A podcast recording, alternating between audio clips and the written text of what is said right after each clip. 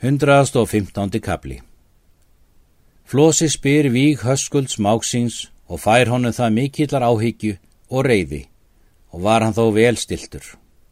Honu var sagður mála tilbúnaðar sá sem hafður hafi verið eftir víg höskulds og let hann sér fátum finnast. Hann sendi orð halli af síðum ági sínum og ljóti sinni hans að þeir skildu fjölmenna mjög til þings. Ljótur þótti best höfðingefni austur þar. Honu var það fyrir spáð ef hann riði þrjú sumur til þings að kæmi hann heill heim að þá myndi hann verða mestur höfðing í ætt sinni og elstur. Hann hafði þá riðið eitt sumar til þings en nú ætlaði hann annað. Flósi sendi orð kól þóstensinni og glúmi sinni hildis hins gamla. Gerleifi sinni önundar töskubaks og mjóðolfi ketilsinni og riðu þeir allir til móts við flosa. Hallur hétt og að fjölmenna mjög. Flosi reið þar til að hann kom í kirkjubæ til Surts Áspjarnarssonar. Þá sendi Flosi eftir kolbinni Egilsinni, bróður sinni sínum og kom hann þar. Þaðan reið hann til höfðabrekku. Þar bjóð Þorgrímur skrauti svon Þorkjells hins fagra. Flosi bað hann ríða til alþingis með sér en hann játaði ferðinu og mælti til flosa. Oftar hefur þú gladari verið bondi en nú og er þó nokkur vorkun á því að svo sé.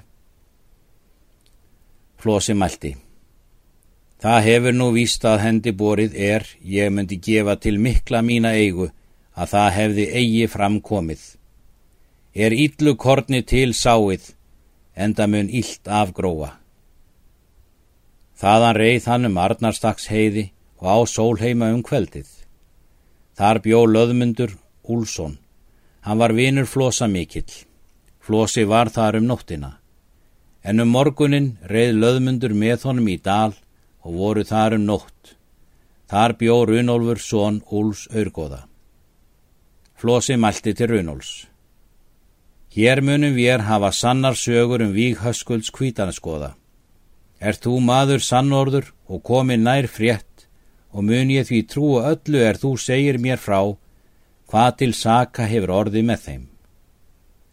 Runólfur mælti.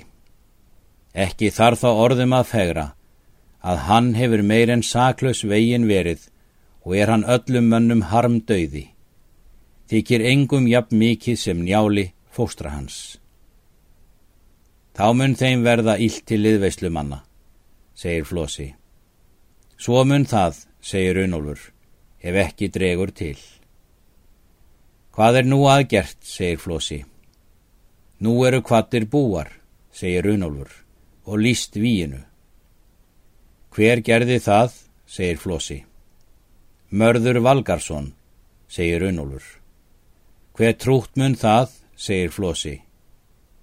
Skildur er hann mér, segir Unólfur, en þó mun ég satt frá segja að fleiri hljóta af honum ílt en gott. Þess vil ég nú byggja þig, Flósi, að þú gefir ró reyðu og takir það upp að minnst vandraði hljótist af því að njálmun góð bóð bjóða og aðrir hinn er bestu menn. Flósi mælti. Ríð þú þá til þings, Runolfur, og skulu mikið þín orð meiga við mig, nema til verra drægi um en vera skildi. Síðan hætta þeir talinu og hétt Runolfur ferðinni. Runolfur sendi orð hafri hinnum spaka frænda sínum. Hann reið þegar þángað. Flósi reið þaðan í Ossabæ.